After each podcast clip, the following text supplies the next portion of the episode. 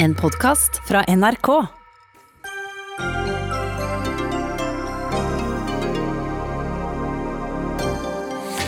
Det er eh, forvirring rundt hvordan barnehager og skoler skal gjennomføres når de åpner om en og to uker. For myndighetene har ennå ikke kommet med noen veiledning til kommunene. Det får byrådslederen i Bergen til å reagere. Flere kommuner dropper nå den såkalt, såkalte søringkarantenen. Hvordan ser landet på oss nå, spør politisk redaktør i Nordlys, som mener det er bra at karantenene droppes. Koronakrisen den savner sidestykke, meldte Det internasjonale pengefondet i dag, og spår nå den verste globale økonomiske nedturen siden den store depresjonen på 1930-tallet. Norge er blant landene i Vest-Europa som rammes hardest.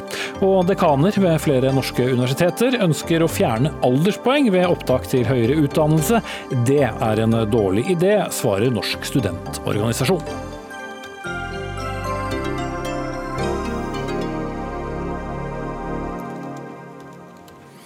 Ja, Da sier vi god kveld og velkommen til eh, ukens eh, første Dagsnytt 18. Jeg heter eh, Espen Aas.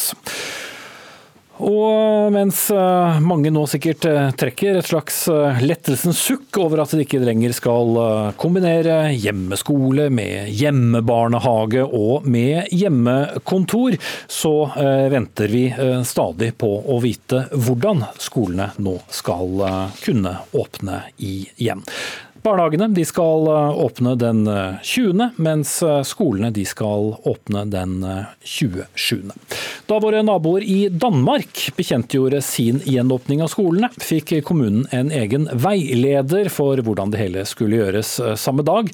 Men her hjemme har ingen kommuner fått vite om hvilke tiltak de må sette i verk, noe som har fått deg til å reagere, Roger Valhammer, byrådsleder i Bergen fra Arbeiderpartiet. Du har stilt deg kritisk til det norske fremgangsmetoden her. Eh, hvordan da?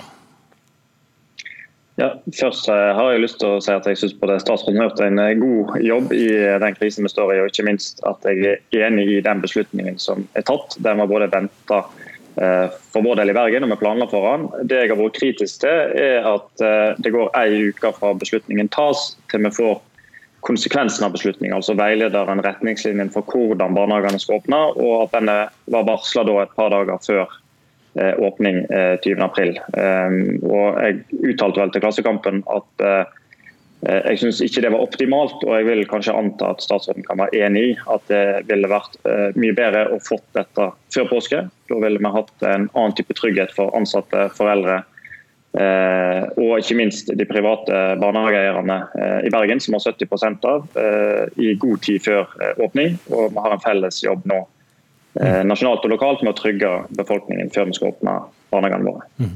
Da gratulerer vi deg med ukens første. Først vil jeg bare si at eh, kunnskaps- og integreringsminister Guri Melby fra Venstre, hvorfor kom det ikke en veileder samtidig som dere annonserte gjenåpning? Ja, først vil jeg bare si at nei. Altså, jeg forstår veldig godt behovet for informasjon. Det tror jeg er stort, både hos politikere og ansatte, og også foreldre, og kanskje barn også. Eh, så den, jeg har respekt for den liksom, frustrasjonen som man kanskje sitter og føler litt på nå. Men så har jeg også lyst til å egentlig liksom dra tidslinje her. Altså, det var fredag på ettermiddagen den 3. april fikk vi rapporten fra ekspertgruppa som ga oss råd om å åpne skoler og barnehager. Og der ga de oss også råd om å utarbeide veiledere. Tirsdagen etter, altså fire dager etter, så fatta vi beslutninga om at vi skulle åpne skoler og barnehager, men vi utsatte åpninga litt lenger enn det ekspertgruppa anbefalte, bl.a. for å få bedre tid til forberedelse. Så der det anbefalt full åpning 20.4, så, så har jo vi sagt at barnehagene kan åpne gradvis fra 20.4, men man kan ta hele uka i bruk hvis man trenger lengre tid. Og så sier vi at skolene kan vente til 27.4, eller skal vente til 27.4. Og mens danskene fikk jo veilederne samtidig som beslutninga, så fikk de også veldig mye kortere tid, for de åpner jo allerede i morgen. Eh, så her må vi jo hele tida avveie behovet for å få veldig mye informasjon raskt, og behovet for å faktisk jobbe litt grundig med den informasjonen. Rett etter at beslutninga da ble fatta forrige tirsdag om å åpne skoler og barnehager, så satte vi jo i gang nye faggrupper for å lage disse veilederne. Mm, men er det så komplisert at det tar så lang tid? Ja, altså, De har jo jobba gjennom hele påska. De har tatt utgangspunkt i rådene fra ekspertgruppa. for Der ligger det jo en rekke forslag til tiltak, men de har jobba med å konkretisere det. Og så har jo det vært et ønske bl.a. fra meg og fra andre politikere at vi også skal involvere en del av de berørte, sånn som um, store skoleeiere og barnehageeiere. Uh, Skolelederforbundet, Utdanningsforbundet og andre som både er viktig for at dette skal gjennomføres godt, men som også kan ha gode råd til oss om hvordan disse veilederne faktisk bør være. Så Vi må jo balansere her da, mellom behovet for å få ut noe raskt og faktisk ha god kvalitet på det som lages. Mm. Ja, hva er det du egentlig trenger uh, å vite til barnehagene i, Bergen, Valhammer, før du har litt mer ro? Nei, Det er viktig for meg å gjenta at jeg har sagt at det ikke er optimalt. Vi skal håndtere dette bra. og Våre folk både på barnehage og for så vidt skole og smittevern har eh, jobba i påsken for at vi skal være klar når den nasjonale veilederen kommer. Men det er viktig for oss at ikke vi går ut og kommuniserer noe lokale veiledning før vi vet hva som ligger i den nasjonale. Eh, både folk og eh, ansatte, for så vidt unger, spesielt i skolen, barnehageeierne våre, som er rundt 100 av i Bergen, eh, altså de private, skal få én eh, informasjon og entydig eh, informasjon og kommunikasjon. Det er kjempeviktig. og Derfor må vi avvente den nasjonale veilederen før vi kan gå ut med våre vurderinger lokalt. og Det er selvsagt at de må sammenfalle og kommunisere det samme, men det vil nok være en del konkretisering som trengs når den veilederen er på plass. Eh, fra alt fra eh, økt eh, renhold til bemanning, til hvordan det skal håndteres i hver enkelt barnehage med levering og henting, mat. Det vil ligge mye i den veilederen, men det vil være behov for en del lokale konkretiseringer. Både i barnehagene og for oss som kommune. Og Det hadde vært veldig mye enklere for oss å gjort den jobben raskt hvis vi hadde hatt veilederen først, mens nå må vi gjøre den jobben mens vi venter på veilederen. fordi Vi vil jo ha veldig kort tid fra den kommer nå i morgen, har vi fått beskjed om. Det er veldig bra, istedenfor torsdag. Eh, å få dette ut til barnehageeierne, foreldre og ansatte. Ser du det, Melby? Ja, jeg ser jo det, men poenget er jo at disse veilederne ble det jo jobba med etter etter disse ekspertgruppene kom med sine anbefalinger. Og så har man jobba med å konkretisere dem, for vi så at det som lå i ekspertgruppa var ikke konkret nok. Det var litt mer generelle, litt mer overordna råd. Og nå trenger vi også å få inn bl.a. praktikere fra barnehager og skoler inn for å se på det. Mm. Men hva er eh, hovedutfordringen? Altså, kan du tenke meg da du skal få tilbake mange, du skal få tilbake fire klassetrinn, og masse barnehagebarn, og man må passe på at ikke de eventuelt da smitter hverandre? Mm. Ja, og det betyr jo at eh, man må jobbe på litt andre måter enn det man man har pleid før. og Det er også da hovedgrunnen til at vi har sagt at skolene ikke åpner før 27.4, og barnehagene fra 20., men de kan jo bruke hele den uka. Så Vi har også vært veldig tydelige på at de som ikke føler seg klar, de som føler at vi fortsatt har en jobb å gjøre, dem må bare vente med åpninga. Det er ingen som skal det åpne det, de det er ingen som skal åpne før det er smittevernfaglig forsvarlig. Eh, og Da tror jeg det er viktig at vi både tar oss den tida det tar og lager en god veileder, men også da lar barnehager og skoler bruke litt tid på å planlegge det her på en god måte. Men Tror du ikke mange foreldre vil ha litt forutsigbarhet? Eh, når de hører den 20., så tenker de kanskje at det bør bety den 20. hvis de har barn i barnehage, og ikke kanskje er det 24., 25., 27., 30 alle ønsker seg forutsigbarhet. og Jeg ble oppringt av min barnehage i dag også, som ikke kunne love akkurat hvilken dag de kunne åpne, for de ville se an veilederne først. Og Vi lever jo nå i en veldig uforutsigbar tid, eh, og det tror jeg faktisk vi må bare tåle litt. men det er også som sagt, grunnen til at vi utsatte åpning litt lenger enn det ekspertene anbefalte, nettopp fordi at skole og barnehage trenger den tida. Og så har jo vi tenkt at Skolene har jo en enda større organisatorisk jobb enn det barnehagene har. For de må jo parallelt planlegge og fortsette med en del hjemmeundervisning, samtidig som de skal ta inn en del elever i skolen. Så eh, jeg skjønner godt dere ønsker om informasjon, men jeg lover at alle skal få det. Og jeg lover at det kommer i god nok tid. Og jeg lover også at dem som ikke føler seg klar for å starte på mandag. De trenger ikke å gjøre det. Alle skal føle seg trygge den dagen de åpner. Mm. Hva tror du om eh, da barnehagen i Bergen, eh, Valhammer? Er det grunn til å tro at de ikke kommer til å åpne på mandag? Eh, nå har vi jo som jeg var inne på 70% privateide, så de må jo få både veilederen og, og beskjed fra oss som barnehageeier i Bergen kommune hva vi gjør. Eh, så, men vår inngang er 20.4. Eh, jeg har jo lyst til å legge til at selv om rapporten kom fredagen før påske og anbefalingen, så lå det litt i kortene fra en stengte barnehage og skole at den skulle åpne en gang. Eh, og at dette er en varig situasjon. Så det å begynne å jobbe med det før eh, kunne vært mulig, og det hadde vært eh, ønskelig. Når det er sagt, så er vi der vi er, og vi skal jobbe kjempefort i Bergen når vi får den nasjonale veilederen da forhåpentligvis tidlig i morgen. Sånn at vi er raskt på banen med budskap ut og kommunikasjon ut til våre foresatte, våre styrere og barnehageansatte, sånn at vi kan være trygge på barnehagestart 20. Mm. april. Og jeg mener at det er en fordel å være tydelig på at det er 20. april. Og så eh, bør i alle fall regjeringen legge opp til at vi alle er i stand til å åpne 20.4 når det er de som setter den datoen. Eh, det mener jeg iallfall ville ja. vært et minimum. Kan du garantere både at den kommer tidlig i morgen og at eh, det i utgangspunktet skal gjøre alle i stand til å Vi har sagt at veilederen kommer senest 16.4. Eh, Som er om to dager? Ja. ja eh, og så får vi se om det kommer noe før den tid. Eh, men eh, vi skal gjøre det vi kan for at barnehagen kan åpne 20.4, og at både foreldre, ansatte og unger skal føle seg trygge. Mm. Da sier vi takk til dere to, Guri Melby, kunnskaps- og integreringsminister fra Venstre, og Roger Valhammer, byrådsleder i Bergen. Dagsnytt 18 alle hverdager kl 18.00 på NRK P2 og NRK2.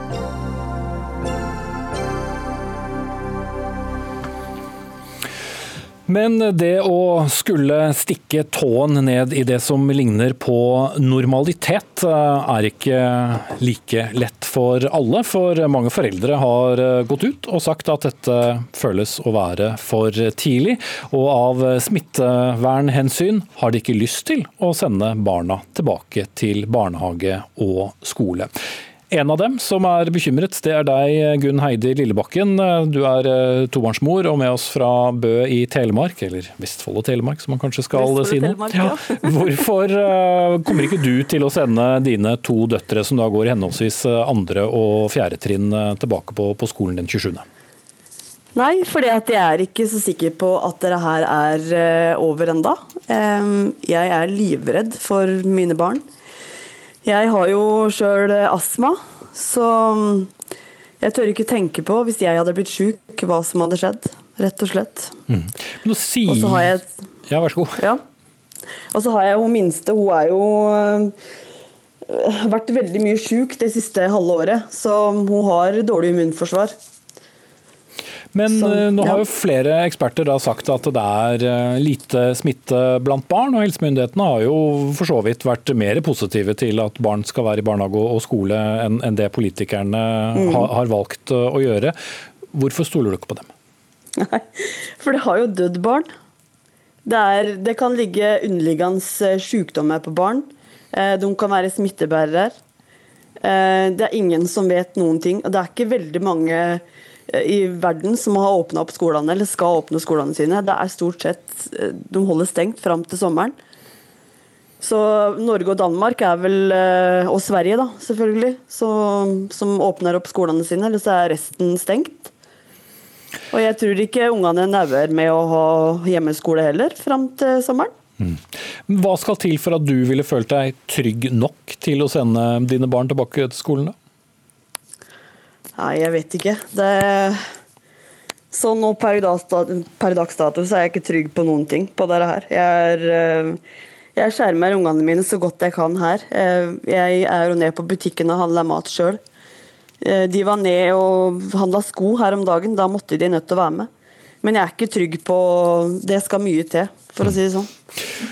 Barneombud Inga Beyer-Eng, vi så deg senest i går i Dagsrevyen, hvor mm. du eh, anbefalte så til de grader å sende barn eh, til tilbake. Men forstår du bekymringen som f.eks. Eh, vi hører Lillebakken har? Jeg tror egentlig vi alle i større eller mindre grad kjenner på en frykt.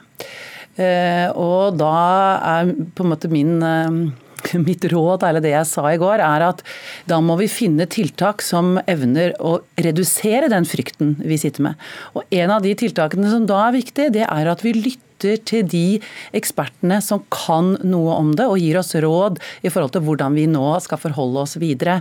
Og nå har Norges fremste eksperter på dette området eh, gitt oss noen råd. Eh, dette er folk som har jobbet med dette lenge, kan dette godt, og de har gjort disse risikovurderingene for oss. Mm. Men de kan ikke gi noen garantier til verken Lillebakken eller noen andre om at ikke barn kan ta med seg smitte? Nei, men Sånn er det ellers i livet også. Du får ikke noen garantier på det. Det er de færreste ting i livet du får garantier på. Og det jeg vil si at når, de, når de ellers, når vi tenker vekk koronaen, så er jo vi opptatt av, de fleste av oss, å følge legens råd, tannlegens råd. Om ingeniøren sier at det er trygt å kjøre på en bro, så kjører vi der. Og vi lytter til de ekspertene som har dette som fagfelt, og det skal vi også gjøre nå. Nå har Norges fremste eksperter gitt oss et råd på at dette er forsvarlig, og da må vi lytte til de, og det er et godt tiltak for å redusere vår egen frykt, og ikke la oss styre den i for stor grad. Det er mitt hovedbudskap. Mm. Men så er vi inne i en situasjon som vi ikke har vært i før. da. Margrethe Greve Isdal, du er overlege ved Avdeling for smittevern og vaksine ved Folkehelseinstituttet. I og med at ikke du kan gi noen garantier om eh, noe, så vil det jo alltid være noen som tenker at da vil jeg heller være på den helt sikre siden og forskanse meg og min familie hjemme. Vi klarer ikke å isolere oss bort fra smitte. Eh, smitten har vi i samfunnet nå. Eh, så da må man liksom veie opp hva som er de viktigste eh, kriteriene for at det skal være greit å gå på skole, og hvilke barn man eventuelt Eller hvilke deler av samfunnet man skal starte gjenåpning for. da. Gitt at det er et veldig inngripende tiltak, så må vi vite at det har veldig stor effekt. Og det kan vi ikke si. Vi vet ikke at det å stenge skolene vil ha effekt på smittespredningen. Vi stengte aldri skolene fordi at vi egentlig egentlig være redd for barna. Barna har jo vist seg i denne epidemien her at de har utrolig liten risiko. Det skulle vi gjerne visst litt mer om hvorfor, for det tror jeg kunne gitt oss kunnskap om hvordan vi kunne beskyttet andre grupper. Men barna har gått fri. Eh, mer eller mindre. Det er nesten ingen Det er under ti barn på verdensbasis som har dødd i alderen 0 til 10 år. Og det ser vi jo mye høyere tall for i forhold til influensa hvert år, f.eks. Eller RS-virus, eller sånne ting som vi vet at barn blir smittet av i barnehagen. Så vi må på en måte sette det litt inn i en kontekst. Nå er det så mye snakk om covid-19 at det er det eneste man er redd for, men så viser det seg at det, det er ikke det kanskje barna eh, som er barnas verste fiende. Og da må vi rett og slett se hva er det som er barnas verste fiende. Jo, det er det at de ikke får gå på skole og i barnehage. Og da må vi Eh, åpne opp for at det skal bli mulig. Mm. Men så er du kanskje kroniker eh, selv, da, og eh, som Lillebakken, og er redd for at barna dine tar med noe hjem. Så får... Lillebakken er fortsatt med oss, så du kan overbevise henne nå, om du klarer. Jeg har, ja. Har jo, eh, vi har jo etter hvert litt mer kunnskap om hvem som er i risikogruppe også. Og det ser ut som at barn med ganske alvorlige sykdommer som leukemi og medfødte lungesykdommer og levertransplanterte barn osv., at de klarer seg ganske greit med covid-19. Og det tenker jeg er ganske viktig informasjon i forhold til at selv barn med kroniske sykdommer ikke får så veldig alvorlig sykdom. Og når det gjelder voksne mennesker med sykdommer, så viser det seg at det er antageligvis en alder eh, fra ca. rundt 50 år hvor det egentlig har noe å si, og før den tid så er det egentlig litt tilfeldig hvem som blir syke. Sånn at Derfor er det viktig at alle gjør smitteverntiltakene de får råd om, og at ikke, det, at ikke man blir eh, unødvendig redd for ting som ikke eh, at det ikke er grunn til. Mm. Inga Beiring. Ja, tror jeg Det er viktig å minnes om som Greve Istad sier, dette med at nå har regjeringen eh, for en god stund siden gjort inngrep i en av de mest grunnleggende rettighetene barn har. Og det er nettopp å gå på skole. Og når man gjør så eh, alvorlig inngrep i barns rettigheter, så må de begrunnes godt. Eh, og da har dette fagutvalget nå, eller det ekspertutvalget nå, også Helsedirektoratet, sagt at det er forsvarlig å åpne barnetrinn igjen. Eh, jeg tenker at det, Vi må få snudd litt på det. Det er ikke bare snakk om eh, si, om man har lyst eller ikke lyst til å gå på skolen. Det er grunnleggende rettigheter til læring som for en del barn, i hvert fall de som nå strever med læring, kan gjøre at de kommer til å henge langt bak, og noe som gjør at det kan være vanskelig å ta igjen. Og Det tror jeg er viktig at vi holder høyt. Altså, det er en av de mest si, sentrale rettighetene i Barnekonvensjonen også, om at barn har denne rettigheten. Mm. Ja, Gunn Heidi Lillebakken, eh, du har jo åpenbart gjort gjort dine, dine egne avveininger i, i, denne saken. Men hva, mm. hva, har, hva, har, avveiningen vært når det gjelder nettopp den utdanningen som da barna dine ikke vil få på samme måte som flere av klassekameratene hvis du fortsetter å holde, holde dem hjemme? Jeg tenker at Det er ikke så veldig mange skoledager igjen før eh, skoleåret er slutt. Så øh, Det som hun sa i stad om at øh, angående smittegreier òg, det er jo Hvordan eh, kan du vite, eller hvordan skal du klare å holde noen seksåringer, sjuåringer, åtteåringer når de kommer på skolen nå? Hvordan skal du klare å holde dem ifra hverandre? Det tenker jeg. Da skal du være ganske mange voksne på den skolen. Jeg kan jo gjerne svare på det. da. Eh, altså jeg vil bare si at jeg har stor forståelse for at man kan føle seg bekymret, men da tenker jeg det er veldig viktig å ta til seg også den informasjonen, eh, og at vi prøver jo å komme ut med den informasjonen, sånn at man skal føle at vi har gjort en god og grundig vurdering. Når det gjelder hva som kommer som anbefalinger, så er det tre hovedakser som på en måte vi jobber langs. og Det ene er at syke barn skal ikke være på skolen, syke ansatte skal ikke være på skolen, og syke foreldre skal ikke følge til barnehage og skole. Mm. Eh, når det gjelder eh, hygienetiltak, så kan også selv barn i ganske, ned i ganske lav alder lære seg f.eks. å vaske hendene grundig og godt, og det kan gjøres på en måte som er eh, gøy for dem. Og I tillegg så er det dette med disse kontaktreduserende tiltak, som det kalles, altså hvor, hvor, stor avstand det skal være mellom mennesker. Det må jo bli annerledes for barn, jo yngre de er, i forhold til, eh, i forhold til voksne, hvor man kan holde avstand. Og det, Siden barn også er i mindre grad sett på som smittespredere, så har man også tillatelse på en måte til å gå At det kan være mindre grupper av barn som er tettere sammen, men at det er da mindre grupper. Mm. Eh, og så vil jeg bare si én ting til. Eh, fordi at eh, I Sverige, eh, som da trekkes frem stadig vekk, at de har åpne skoler. og hvordan går det? Jo, de ser ikke noe smitte. De har faktisk færre registrerte smitte eh, blant barn i alderen 0 til 9 år enn det vi har i Norge. Noe kan bygges selvfølgelig på testkapasitet, men blir du syk, så blir du jo testet også. Eh, og blir du alvorlig syk, så blir du i hvert fall testet. Og når de da har, ikke har noe større tall enn oss, så sier det noe om at det er ikke i barnehager og skoler hvor du har smittespredning. Jeg vil bare spørre deg helt kort til slutt, Gunn Heidi Lillebakken. Eh, hvilke reaksjoner har du fått etter at du sto frem og sa det du sa om å holde barna hjemme? Jeg har fått uh, veldig mange sinte kommentarer på det her. At jeg har gått fram. Um, etter jeg kom fram i TV 2, så har jeg fått um, fra en mann som sendte veldig stygge meldinger til meg. Rett og slett mm. stygge. Så det var ikke alle som satte like stor pris på det? Uh, nei. Mm. Altså, det var, ikke, det var, ikke, noe fint. Jeg har meldt det inn, så det, jeg får håpe at han får eh, sin PS, egentlig. Ok, eh, takk skal dere ha alle tre. Men oppfordringen, altså bare for å gjenta den, både fra, fra ekspertene og fra Barneombudet, er altså uh, å sende barn tilbake til barnehage og skole når vi kommer til den 20. og 27., gitt at uh, de er klare til å ta imot barna. Takk til Gunn Heidi Lillebakken, med oss fra Bø Telemark, Inga Beireng, barneombud, og Margrethe Greve Isdal, som er overlege ved Folkehelseinstituttet.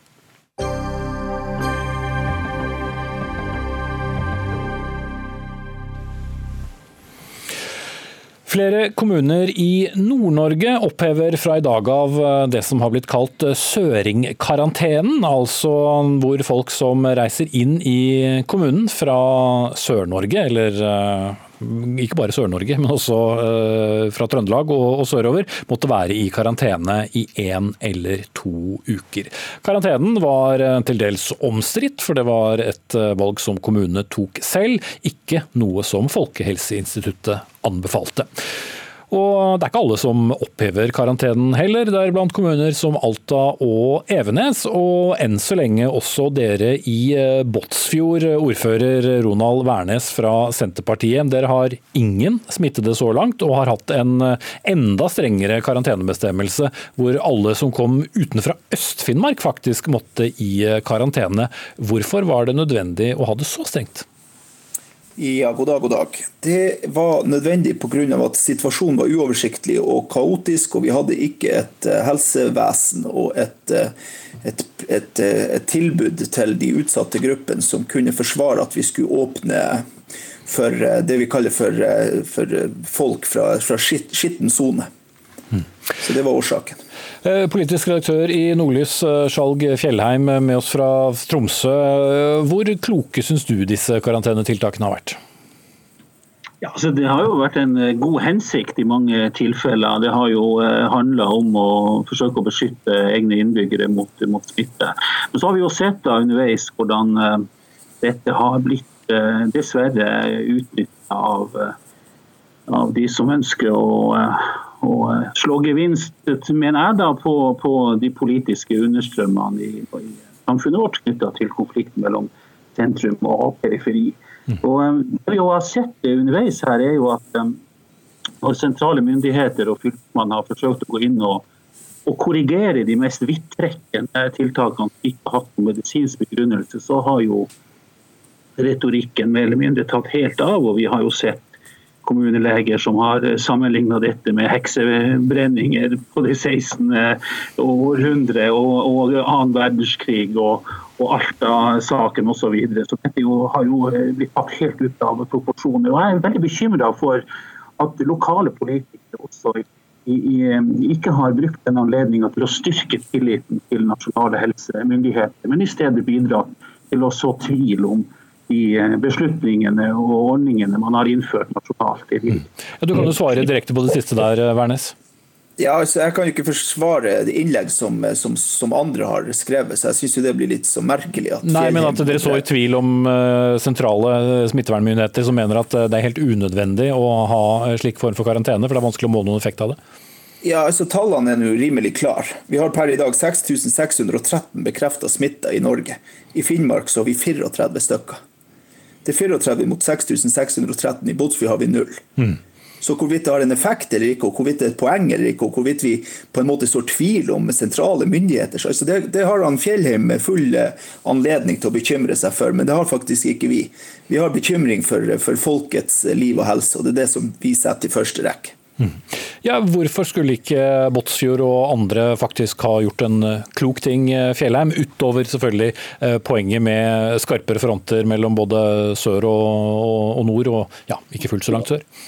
Nå høres jo dette ganske snilt og tilforlatelig ut, da, men det kan være grunn til å minne om at ordføreren i Båtsfjord her var i denne tidlige fasen av denne koronakrisen ønska å sette inn militære styrker på grensa mellom Nord-Norge og Trøndelag for å forhindre innreise fra Sør-Norge.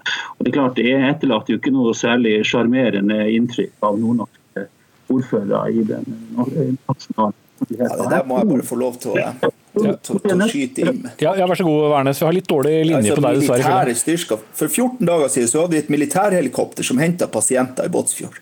Altså, Det høres jo forferdelig dramatisk ut. Det er snakk om en veikontrollpost. Samme veikontrollposten som vi har inntil Båtsfjord. At det er militære styrker som skal stå med skarpe våpen, det er jo helt hinsides all fornuft å dra en sånn uh, slutning. Vi har et helikopter fra Forsvaret til stadighet innom Båtsfjord og henter pasienter. Det er jo ikke noe stor dramatikk i det, det er jo noe som må gjøres. Dagen etter at jeg kom med det forslaget, så sperra de hele Helsinki bort fra hele resten av Finland med politistyrker. Altså det er for, for at de ikke ønsker å smøre viruset solidarisk utover hele landet. Sånn som Fjellheim og, og mange andre ønsker og syns at det er greit. Viruset er ikke solidarisk i forhold til, til de tilbudene som vi har ute i grisgrendte strøk. Akkurat det samme argumentet som hytteforbudet ble gjort for at du ikke har helsevesen som er rigga og er dimensjonert i forhold til, til, til store smitte, smittefare. Mm. Akkurat det samme argumentet bruker vi på lokale karantenebestemmelser. så Det er for, forferdelig vanskelig å forstå. Mm. Ok, men Fjellheim, Hvis vi ser det litt eh, større bildet her, da, hva tror du disse koronatiltakene i nord eh, har gjort med resten av landets syn på, på Nord-Norge? Har det gjort stor skade? Ja, Det håper jeg jo ikke det har gjort. Men eh, jeg tror at det å undergrave nasjonal ekspertise i en krisetid for nasjonen. Det skal man være forsiktig med. Og jeg mener at en del lokale politikere har kommet i nærheten til underveis i denne situasjonen. Det burde være ganske klart for alle at når en krise inntreffer, så er vi avhengig av at vi har ett sett med regler som gjelder for hele landet, basert på de mest tilgjengelige faglige rådene som vi har tilgjengelig, og det er da Folkehelseinstituttet i, i dette. Mm. Okay. og I Tromsø, der hvor din litt eh, ruskete eh, linje er, Skjalg Fjellheim, så er altså denne såkalte søringkarantenen opphevet. Dere skal ta stilling til den samme vel i morgen, Værnes. Kan du si noe om hvilken vei det bærer for dere? Ja, Anbefalinga nå fra smittevernlegen er at vi opphever den. Så det er jo klart, for Nå har vi jo fått til det vi ikke hadde oversikt over i begynnelsen, en tidlig fase. Så nå har det gått fire uker hvor vi har fått på plass rutiner, vi har fått på plass et, smitte, et, testsenter, og vi har fått på plass opplæring av, av ansatte. og Også smittevernutstyr kommer etter hvert på plass. Og Da er det jo helt naturlig at vi opphever de lokale karantenebestemmelsene. Men det, Jeg skal ikke forskuttere behandlinga i formannskapet i morgen, men, men, det er i hvert fall det som ligger an i forhold til anbefalinger fra smittevernlegen. Så jeg tror det går igjennom. Men er det også en uh, mulighet eller fare, alt ettersom uh, man ser det, at uh, Båtsfjord igjen vil finne på å sette en sperre skille mellom seg og både eh, Vest-Finnmark, eller resten av Øst-Finnmark, Vest-Finnmark og, og Troms og Nordland og resten av landet? Ja, selvfølgelig. Hvis situasjonen skulle komme ut av kontroll, så er det helt naturlig. Vi har én vei som går inn og ut av Båtsfjord. Vi har full kontroll på den veien. Og En dimensjon i det her er jo også at vi skjermer jo næringslivet. Man har liksom brukt næringslivet. NHO kom jo med, en pekefinger og en knyttneve her på en pressekonferanse som var litt fornøyelig. Men, men vi skjermer jo faktisk eh, næringslivet. Vi har 200 ansatte i filetindustrien. Hvis det bryter ut smitte der, er det katastrofalt. Så Det er også en dimensjon i det. Så Hvis, hvis ting skulle, skulle, eskalere, at vi får store smittetilfeller i Alta og i Kirkenes og Vadsø rundt oss, så kommer vi selvfølgelig til å revurdere eh, innføre lokale karantenebestemmelser igjen. Det er jo helt naturlig. Ok, Takk til Ronald Wærnes, eh, ordfører fra Senterpartiet i eh, Båtsfjord, og Skjalg Fjellheim, politisk redaktør i Nordlys. Får bare beklage at ikke alle linjene sto oss eh, like mye bi i dette innslaget.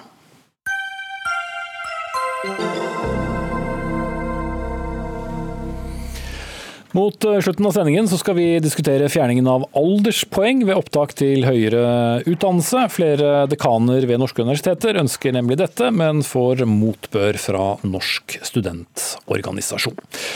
For de som uh, fulgte med nå i ettermiddag, så kom det noen ganske dystre spådommer fra Det internasjonale pengefondet, IMF. Deres utsikter for uh, året er de dystreste siden den store depresjonen på 1930-tallet. Koronaepidemien den krymper uh, verdensøkonomien i år med 3% tror IMF. Norsk økonomi får en enda hardere smell, med en nedtur på 6,3% Denne krisen savner sidestykke, sa IMFs sjeføkonom da hun la det hele frem. Og Kari, Kari er Andresen, sjeføkonom i Handelsbanken. Tallene var jo som forventet for så vidt for øh, norsk økonomi, men en nedtur på 6,3 Hvis vi skal omsette dette til realiteter i Norge, hvor stort er dette? Dette har vi ikke sett før, rett og slett. Dette er jo en situasjon hvor hele økonomien stopper opp, både i Norge og internasjonalt. Så det sjokket som har truffet oss nå, momentant, det er det største vi har sett i historien. Eh, og det alle lurer på, på en måte 1000-kronersspørsmålet, er rett og slett bare hvor lenge skal det vare. Mm. Og Cecilie Langebekke, som vi snakket om mange ganger etter studio, vi henter jo ut enorme verdier for å, å motvirke dette. Likevel en nedtur på 6,3% Det kommer til å slå hardt i norsk økonomi. Ja, Det er jo helt ekstremt. Og så er det ikke noen begrunnelse på en måte hvorfor de bruker akkurat det tallet 6,3 Det er en linje i en rapport, så vi må bare ta et lite forbehold der. Men vi rammes jo hardere sannsynligvis eh, fordi vi også er en oljedrevet økonomi. Mm. Ser at eh, oljeprisen har falt eh, veldig mye pga. denne covid-19-situasjonen. Så Det er en av grunnene til at vi kanskje rammes hardere enn de andre landene som man sammenligner seg med i denne rapporten. Ja, for de peker på at det kommer til å gå verre i Norge enn i alle de andre nordiske landene. Og store europeiske økonomier som, eh, som Tyskland. Men det er lysninger i det fjerne også? Ja, Det denne rapporten legger til grunn, er jo at eh, i andre halvår i år vil begynne en gradvis normalisering. Um, og det er nok det mange antar også vil skje, inkludert eh, Handelsbanken. Uh, men vi er veldig usikre på det. Uh, og IMF sier jo også at uh, de ser egentlig mest nedsiderisiko til denne forventningen som de har tegnet opp nå, som allerede er ganske dyster. Mm. Når du som økonom sier større nedsiderisiko, ja. hva mener du da? Det jeg mener da, er at det kan f.eks. være sånn at disse smittedempende tiltakene vi har på plass, må være på plass lenger enn det vi tror. Det er litt avhengig av den strategien som myndighetene velger i Norge og internasjonalt. Eh, men det kan også være sånn at vi kan få en ny smittebølge som vi ikke da klarer å demme opp for. Eh, som også vil gi et mye dårligere eh, scenario enn det IMF tegner opp som sitt hovedscenario nå. Mm. Og så er jo ikke Norge bare en eh, øy, da. Det er jo ganske dystre utsikter for eh, verden som sådan. Cecilie Langen en 3 eh, nedgang. Det vil ramme mange, og selv om noen sektorer går bra, så vil det store bildet gjøre at det blir negativt og en, det som man kaller en resesjon eller tilbakegang. Ja, Hvis vi snakker om norsk økonomi, i hvert fall, så er det jo som, som vi snakket om, veldig dramatiske tall. og Det er jo eh, det som har vært mye av driveren i norsk økonomi de siste årene, er jo alle disse oljeinvesteringene, som jo nå kommer til å rammes ganske hardt av disse lavere oljeprisene.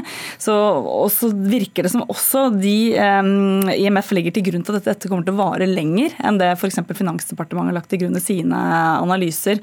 Så, så, sånn sett så er det jo det er ikke veldig mye positivt her. og som Kari er inne på også. Når man leser rapporten, så er det alle forbeholdene er med negativt fortegn. At det, at, det kan bli verre. At det kan bli verre. At det, veldig, det, veldig, det, står veldig lite om at det kan bli bedre enn de faktisk legger til grunn. Mm. Og Da jeg snakket med deg på telefonen eh, tidligere i dag, eh, Andresen, så kalte du det hele for et permanent velferdstap. Ja. Hva mente du med det? Det jeg mener med det er at Nå er det økonomiske fallet vi ser så stort at vi klarer ikke å hente igjen det tapte. Den økonomiske banen for aktivitet og sysselsetting som vi ville vært på uten dette sjokket, den klarer vi aldri å hente igjen. Vi faller så dypt, så selv om det blir gode vekstrater etterpå, så kommer vi ikke opp igjen til det velferdsnivået vi ville vært på uten krisa. Mm, så vi får langvarige skader. Og en arbeidsledighet på 13% i Norge, spår IMF eh, Lange med Becker. Hvilke skader gir det en økonomi å ha så mange som da ikke får en vanlig lønn og er en eh, del av eh, den klassiske verdiskapningen med å betale skatt og, og ha til forbruk?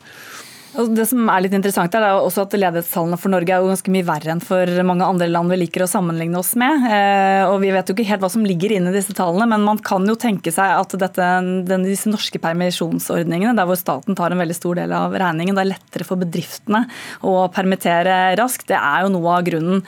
Og så er det jo litt spørsmål her, hva er det de legger til grunn? Legger de til grunn permitterte? Hvor lenge skal de være permitterte, eller er de da arbeidsledige?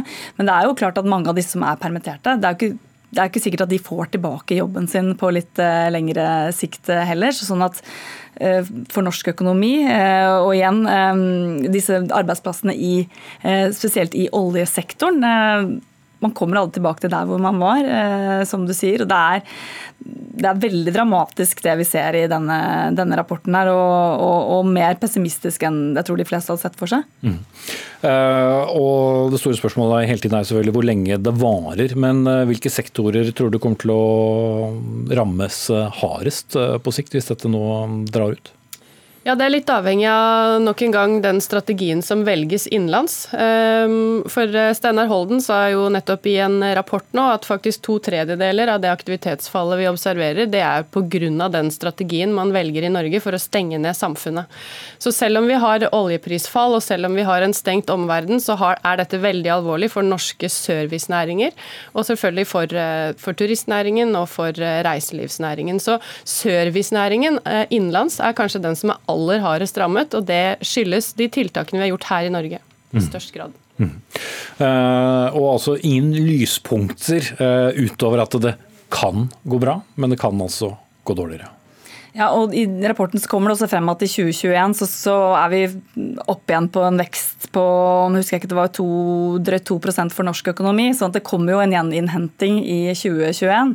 Eh, men som vi har vært inne på her, fallet er så stort at vi ikke kommer tilbake til den veksten vi har hatt eh, tidligere. Så, men det er jo et lyspunkt at man ser en gjeninnhenting i 2021, men da med ganske mye forbehold om at det kan bli verre enn det. Mm. Så i, Til sammenligningen med, med de harde 30-årene så er dette i hvert fall en, en, en kortere periode enn en det man uh, så, men, men, veien frem er lang. Ja, Det vil være en kortere periode, men det momentane fallet vi har sett, det, det har vi ikke sett før. Og det var verre også enn 30-tallet. Mm. Takk skal du ha, Kari Due Andresen fra Handelsbanken og Cecilie Lange Bekker, kommentator her i NRK.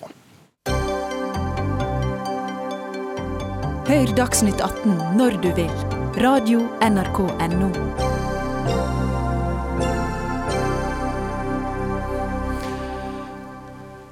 18 eh, tidligere statsråder fra Arbeiderpartiet, Høyre, Venstre, SV og KrF, og en tidligere statsminister, Kjell Magne Bondevik, har gått sammen og bedt regjeringen om å ta imot enslige barn fra Moria-leiren på Lesvos i Hellas.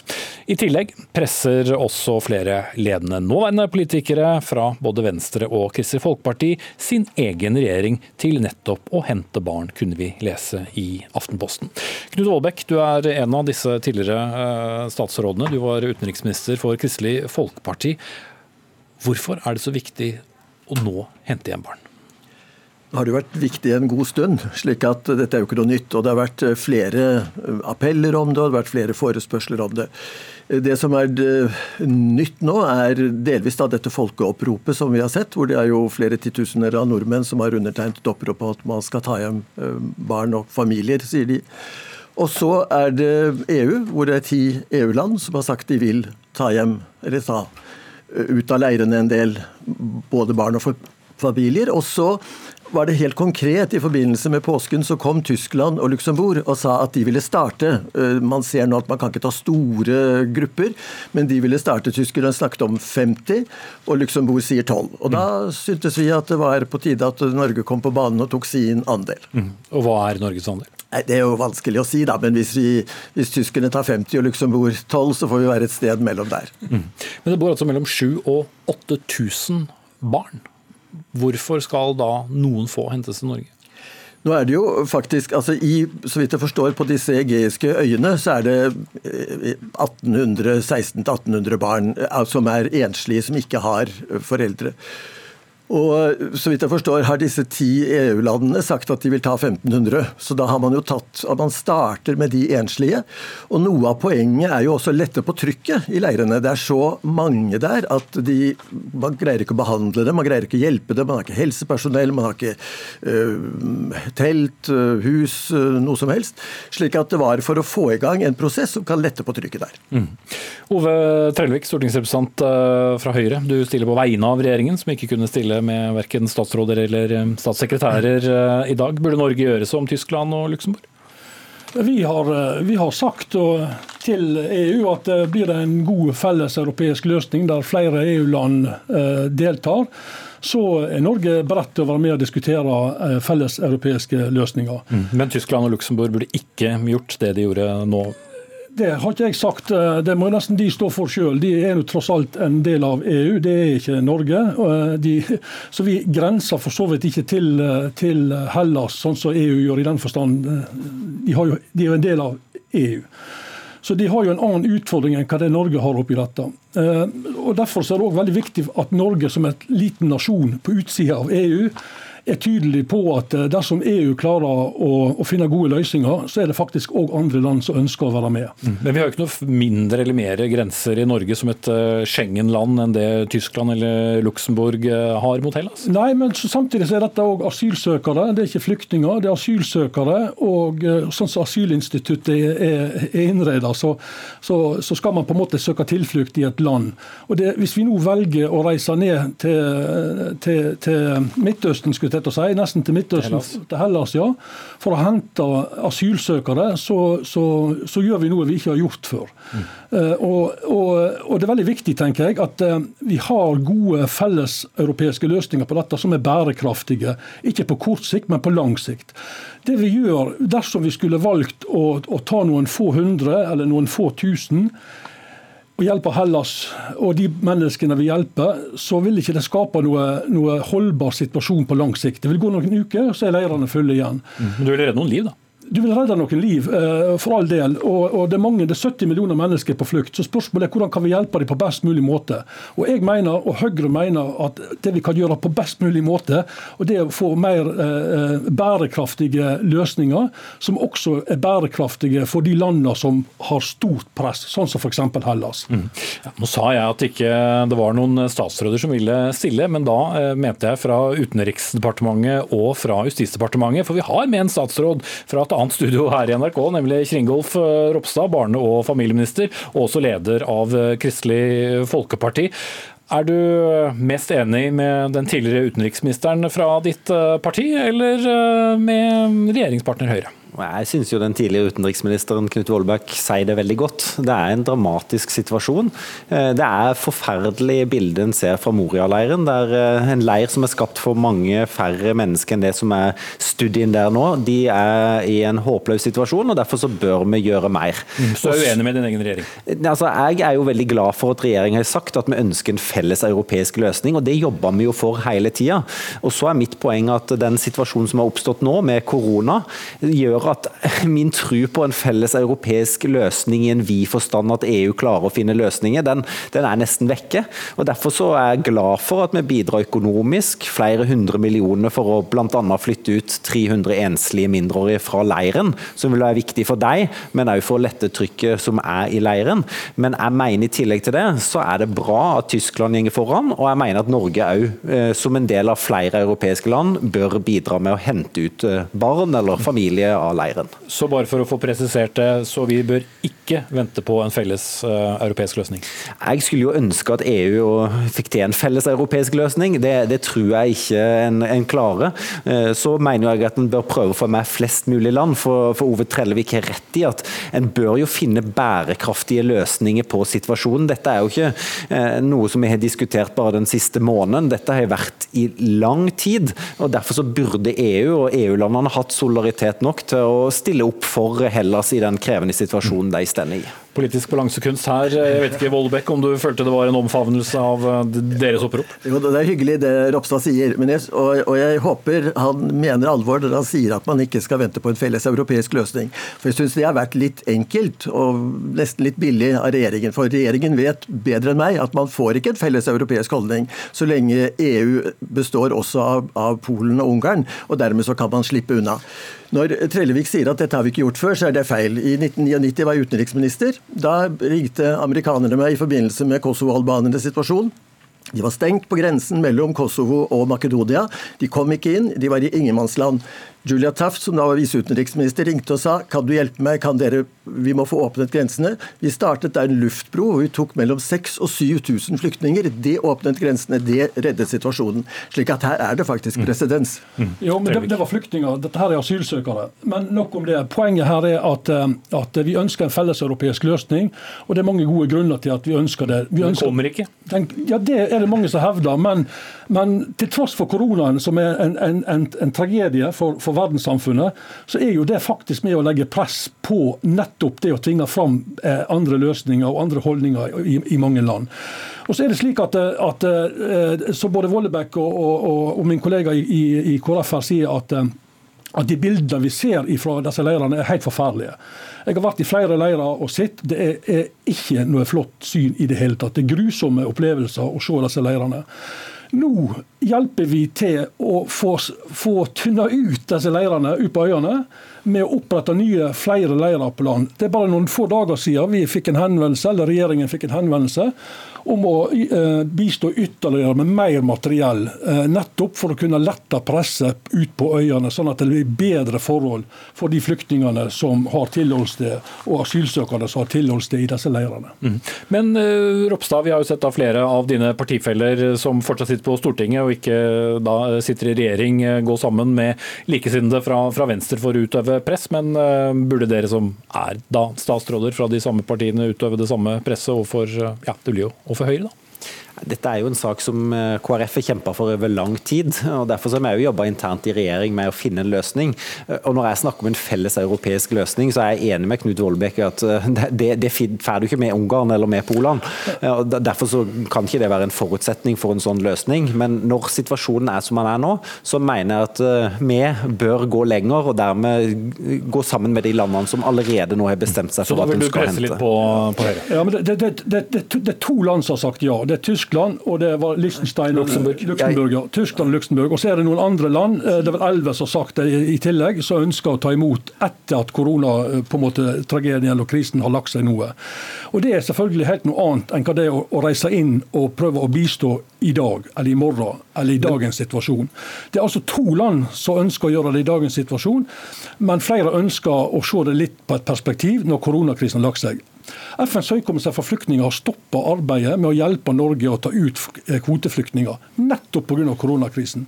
Så det er mye arbeid her som er lagt ned pga. koronakrisen, så det er ikke det rette tidspunktet å, å, å, å gjøre dette nå. Okay. Men, men, men, FNs høykommissær har også sagt de kan hjelpe oss med transport fra Hellas. Det syns, og ikke minst Trellevik med hans eh, forsvarspolitiske bakgrunn, han burde også se det sikkerhetspolitiske aspektet her. Det er veldig viktig, det er fint at vi hjelper med penger, men Hellas er i en dramatisk alvorlig situasjon hvor landet kan destabiliseres. Vi er ikke interessert i et destabilisert Hellas, heller ikke et destabilisert Italia. og Da må vi ta vår del av byrden. og Det er i vår egen interesse. Det er faktisk sikkerhetspolitikk, ikke bare humanitær politikk. Og derfor, og derfor trenger vi felles europeiske løsninger. Nok solospill fra Norge holder ikke opp i dette. Dette er geopolitisk storspill òg, ja.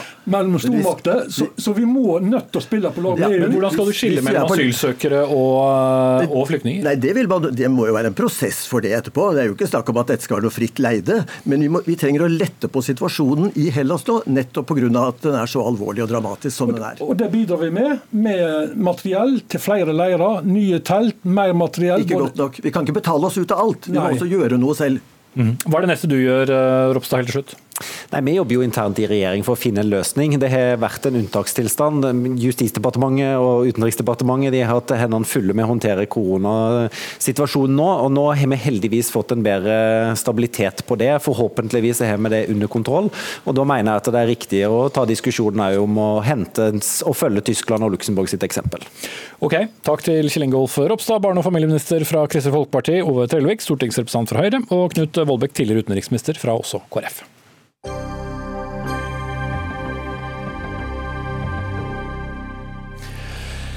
I eh, morgen, 15. april, er det frist for å søke på høyere utdanning. Og som eh, hvert eneste år, så vil mange av årets eh, søkere søke med opptil åtte åtte ekstrapoeng, nemlig alderspoeng, som supplerer da karaktersnittet deres. Og dette er eh, en praksis som flere dekaner ved norske utdanningsinstitusjoner vil til livs. En av dem er deg, Per Bakke, dekan ved Det medisinske fakultetet ved Universitetet i Bergen. I universitetsavisen Krono går du sammen med andre ut mot disse alderspoengene. Hva er problemet med dem? Ja, det, det er to problemer. Eh, for det første så er det det at det ikke, bør ikke være alder i seg sjøl som eh, kvalifiserer, men det er den kompetansen eller kunnskapen du har opparbeidet deg, som bør, eh, bør telle med. Det er det ene. Og det andre er at det vi har sett, er at det er en tendens til at eldre studenter de har en litt dårligere gjennomføringsevne enn yngre studenter. Og medisin som jeg representerer, da, det er et av de dyreste studiene. og eh, eh, da er det viktig at flest mulig eh, kommer gjennom. Og selvfølgelig er det kjedelig for den enkelte som måtte droppe ut, men det er også dyrt for samfunnet hvis folk dropper ut av studiet før de er ferdig. Mm. Så Det er de to hovedgrunnene for at vi er skeptiske. Marte Øyen, du er leder for Norsk studentorganisasjon. Hva, hva svarer du, Bakke? Ja, altså Det at eh, eldre studenter for å ta det først, da gjerne faller fra oftere enn yngre studenter, det er ikke ny kunnskap. Det er kunnskap vi har visst lenge. Men det samme gjelder de studentene Da burde det få en konsekvens, eh, mener jo disse. Det samme gjelder de studentene som eh, studerer i samme region de er fra. Eh, det gjelder gutter, eh, og det gjelder de som har dårligere karakterer fra videregående. Så spørsmålet den debatten her egentlig bør handle om, det er jo hva er det som egentlig er grunnlaget og altså grunnen og årsaken til at eldre studenter gjerne faller fra hyppigere enn yngre studenter. Um, ja. Ja, Men så er jo alderspoeng eh, ikke noen prestasjon i seg selv for et fag. Hvorfor er det da rettferdig å kunne ta med seg opptil åtte eh, ekstra alderspoeng eh, for å komme foran noen andre inn på f.eks. medisinstudiet? Nå er det jo sånn at Alderspoeng det gir jo en fordel for de som søker i ordinær kvote. Men man har jo også andre fordeler for de som søker i førstegangsvitnemål, som søker rett fra videregående. Eh, og det som er viktig for oss med alderspoeng, det er jo nettopp at man skal kunne endre karrierevei på et senere tidspunkt. At man har tatt fagbrev eller man av andre årsaker har måttet vente et par år med å starte på høyere utdanning fra videregående, så må du kunne ha de samme mulighetene til å kunne søke deg inn på høyere utdanning. Mm. Ja, det er jeg for så vidt enig med deg i, men det bør ikke være alderen i seg sjøl. Men det som du sa, det bør være den kompetansen du har opparbeidet deg, som eh, bør telle. Eh, og Jeg eh, ser absolutt et poeng at vi har en aldersspredning på eh, studentkullene våre. Eh, men igjen, det er ikke alderen i seg sjøl. Man kunne sette seg i et kott og ventet på det har gått noen år, og så har man opp, opparbeidet eh, åtte poeng. Men man bør premiere den kunnskapen du tilegner deg. Men handler det ikke ofte om at folk også tar opp fag, i tillegg til at de blir eldre samtidig, og forbedrer sine prestasjoner? Det er vel få som bare setter seg ned og venter noen år og tenker at nå får jeg åtte poeng til? ja da, ja da, absolutt det. Men igjen, det der med at de kan ta disse eh, eh fagene om og om igjen fra videregående, det er nesten bortkastede ressurser for samfunnet og også for den enkelte. Man burde heller kunne gjøre f.eks. slik at man Eh, det var andre, f.eks. universitetsfag, som talte med i, eh, i, eh, når man søkte da f.eks. medisin. Mm. Men, da hadde man, Om man ikke kommer inn der på medisin, så har man i hvert fall tilegnet seg noe kunnskap som man kanskje kan bruke i andre sammenhenger. Øyen.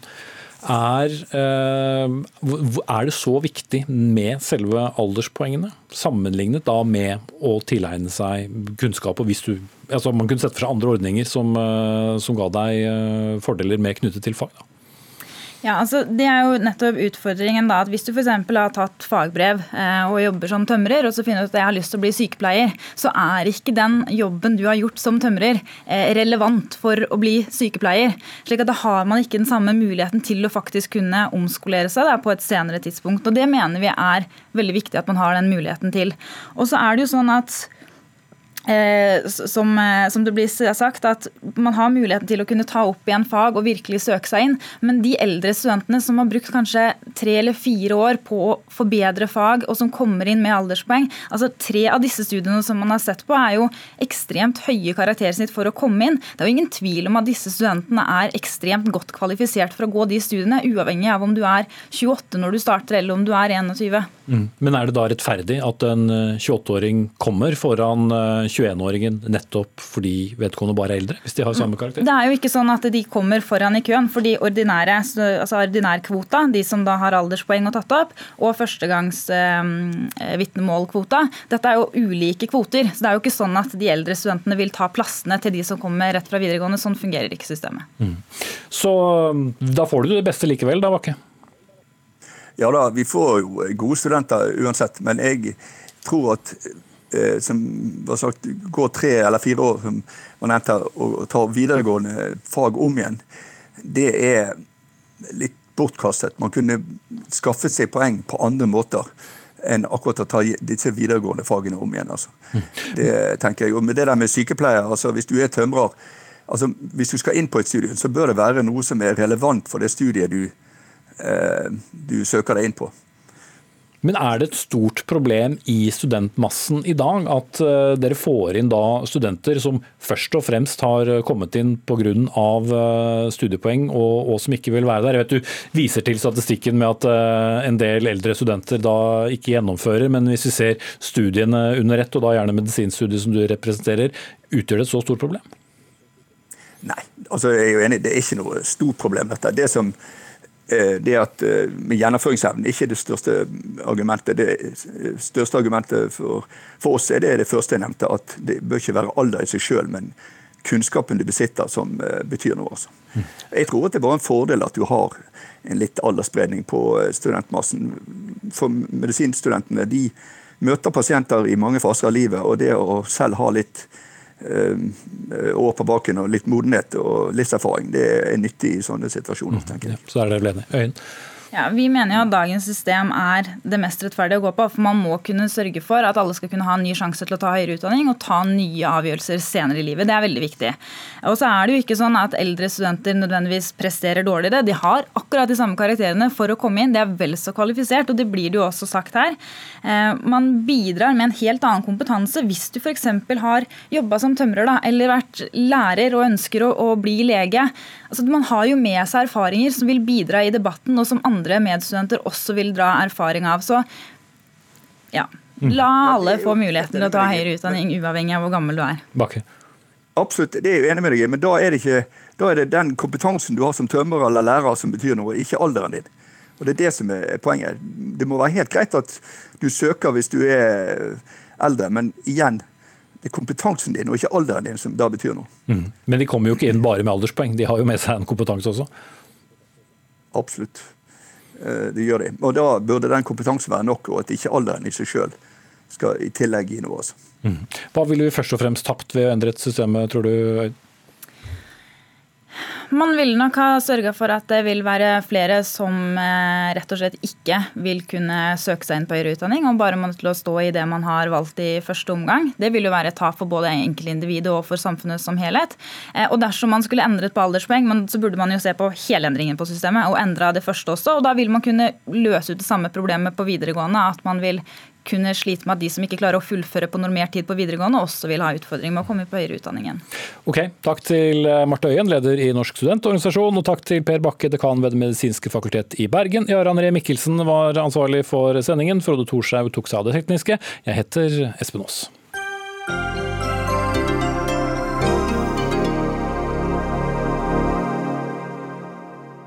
Du har hørt en podkast fra NRK. Hør flere podkaster og din NRK-kanal i appen NRK Radio.